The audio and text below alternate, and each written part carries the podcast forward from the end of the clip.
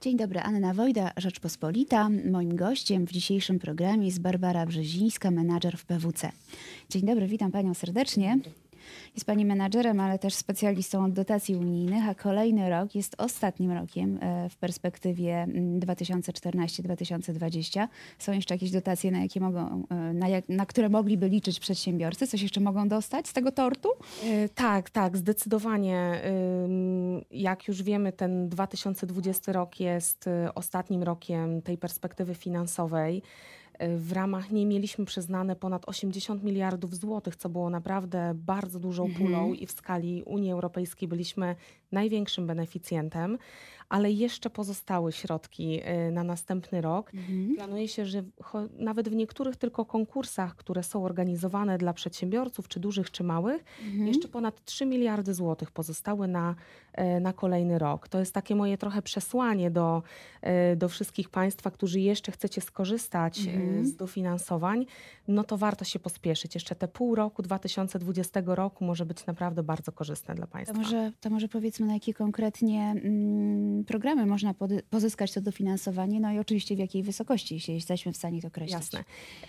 Duzi przedsiębiorcy y, oraz mali mhm. przede wszystkim mogą korzystać z dofinansowań na badania i rozwój. To też jest takie bardzo popularne hasło. Ostatnio w bardzo. W całej perspektywie finansowej. Dokładnie. Mhm. Badania, rozwój i innowacje to są nawet takie mhm. trzy hasła, które bardzo tak nierozłącznie ze sobą Co chodzą. Co pod nimi kryje, tak w wielkim skrócie oczywiście. Badania i rozwój głównie dotyczą nowych produktów, nowych technologii, mhm. jakichś nowych rozwiązań. Wszędzie tam, Czegoś, gdzie co nam może pomóc w pracy. Mhm. Dokładnie, wszędzie tam, gdzie e, próbujemy wyjść na rynek na przykład z nowym produktem czy z nową mhm. usługą.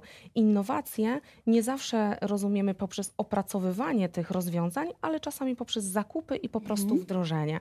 Ale wszystko gdzieś to jest ze sobą związane i ma sprzyjać temu, żeby Polska była postrzegana jako coraz bardziej innowacyjny kraj z innowacyjnymi rozwiązaniami, a nie tylko taki odtwórczy, który mhm. kupuje gdzieś z zagranicy, tylko mhm. chcemy, żeby tutaj w Polsce te rozwiązania powstawały. I właśnie dzięki tym dotacjom przedsiębiorcy mają ułatwiony start y, w te działania mhm. badawczo-rozwojowe, mogą pozyskać dofinansowanie nawet do 80% y, budżetu projektu. Mhm. Duzi przedsiębiorcy trochę mniej niestety, jednak preferencja jest ustawiona na, na mniejsze firmy. Tak? Zdecydowanie mają te firmy utrudniony dostęp do, do kapitału, do źródeł finansowania. Duże firmy bardzo często są w różnych korporacjach, w grupach kapitałowych, gdzie ten dostęp do, do środków mhm. finansowych jest, jest mhm. oczywiście łatwiejszy. I to jest jedyne, y, jedyne, jedyna działalność, na którą można dostać dofinansowanie? Czy, czy y, jest, to, jest to pewna część tej działalności, mhm. czyli takie bieżące y, opracowywanie tych nowych produktów. Tutaj głównie mówię o takim bardzo popularnym konkursie od wielu lat Szybka Ścieżka, który mhm. jest organizowany przez Narodowe Centrum Badań i Rozwoju. Druga y, część takiej działalności, też związanej oczywiście z badaniami i rozwojem, to jest y, zakup infrastruktury, czyli w momencie, kiedy my chcemy realizować swoje badania, bardzo często mhm. potrzebujemy jakiś swój sprzęt, swoją specjalistyczną aparaturę mhm. i możemy dzięki tym dotacjom wyposażyć swój dział taki badawczo-rozwojowy, laboratorium, czyli uzupełnić trochę tą swoją taką infrastrukturę wewnętrzną i na to też możemy pozyskać dofinansowanie. I znowu, duzi trochę mniej, mhm. mniejsze przedsiębiorstwa, szczególnie na ścianie wschodniej, bo tutaj akurat poziom dofinansowania zależy od lokalizacji, to tutaj na ścianie wschodniej mamy największe dofinansowania i małe przedsiębiorstwa nawet do 70% mogą dostać takiego dofinansowania do, do zakupów tych maszyn, urządzeń, mm -hmm, aparatury. Mm -hmm. Mówiła Pani o dużych, mówiła Pani o mniejszych, a y, są jakieś takie projekty, które są dedykowane wyłącznie dla małych i średnich firm? Jest sporo takich jeszcze grantów. Rzeczywiście mhm. pojawiają się w nowym harmonogramie na 2020 rok. Tutaj bym chciała w szczególności powiedzieć o takim bardzo ciekawym konkursie, który dosłownie był ogłoszony wczoraj przez Polską Agencję Rozwoju Przedsiębiorczości. Są to granty na eurogranty.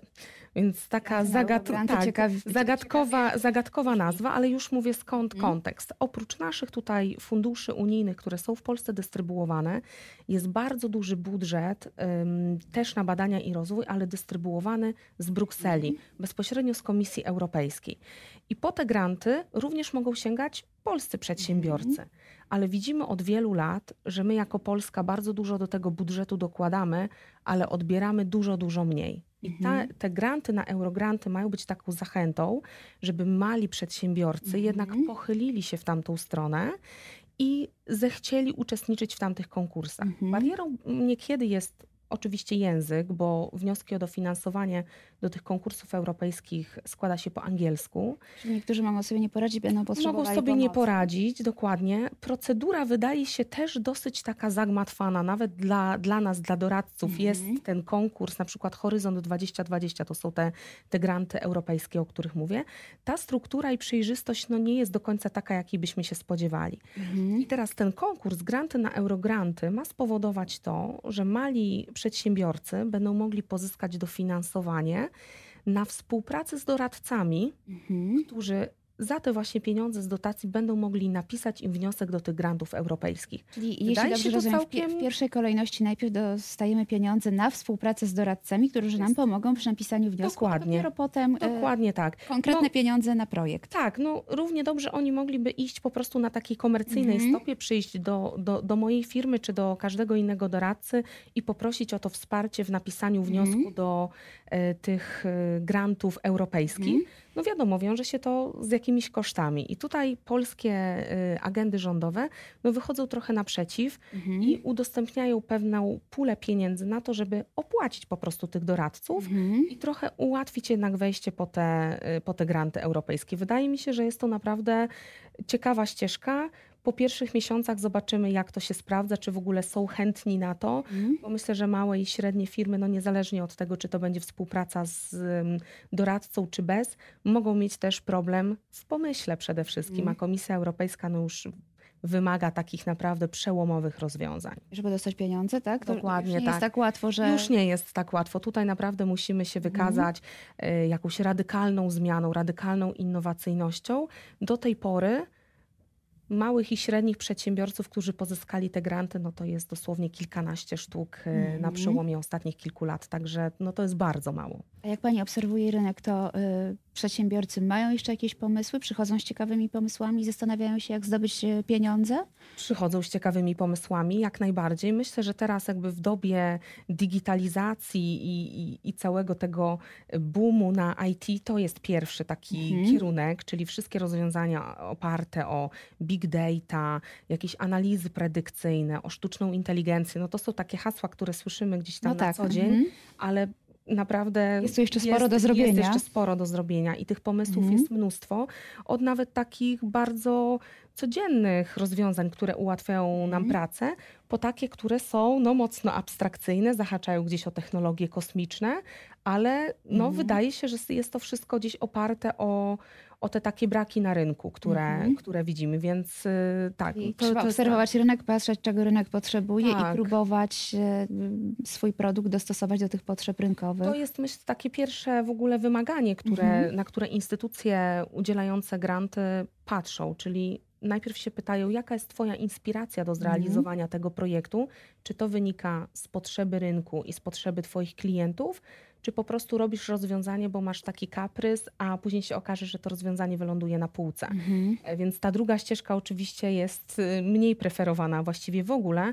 Musimy udowodnić, że to nasze rozwiązanie będzie potrzebne na rynku. Mhm. Nie robimy jakiejś kopii rozwiązania, które już jest, tylko Mhm. robimy przede wszystkim coś lepszego i coś, co się sprzeda. No, to nie są łatwe rzeczy, e, zdecydowanie dla ludzi, którzy mają e, pomysł na siebie i, i na jakiś produkt.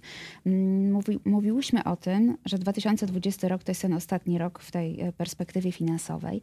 To kiedy trzeba złożyć wniosek, żeby jeszcze ewentualnie móc dostać te pieniądze? Tam są jakieś terminy, czy, czy, czy tu jest dowolność pełna? Są, są terminy i to są konkretne terminy, naprawdę nieprzekraczalne, Mhm. więc jak Nie można się ktoś- spóźnić. Nie można się spóźnić, absolutnie. Mhm. Ym, Trzy takie terminy, o których bym chciała powiedzieć. Dla dużych przedsiębiorców na tą działalność badawczo-rozwojową to jest 3 kwietnia. Mhm. Dla małych przedsiębiorców też działalność Mhm. badawczo-rozwojowa to jest 1 czerwca. Więc to są dwa takie magiczne terminy, o których y, musimy zapamiętać. Y, I wracając do tematu tej infrastruktury badawczo-rozwojowej, wtedy kiedy chcemy departament swój Mhm. badawczy utworzyć albo rozwiją- rozwinąć, to jest 11 maja. Więc to są te trzy daty, które teraz przynajmniej w tej pierwszej połowie roku powinniśmy mieć y, gdzieś Na uwadze. na Mhm. uwadze cały czas. Instytucje mm, wrzuciły w harmonogram informację o tym, że jesienią mogą odbyć się kolejne konkursy, ale wszystko zależy od wykorzystania tego budżetu, który jest przeznaczony na tą pierwszą połowę.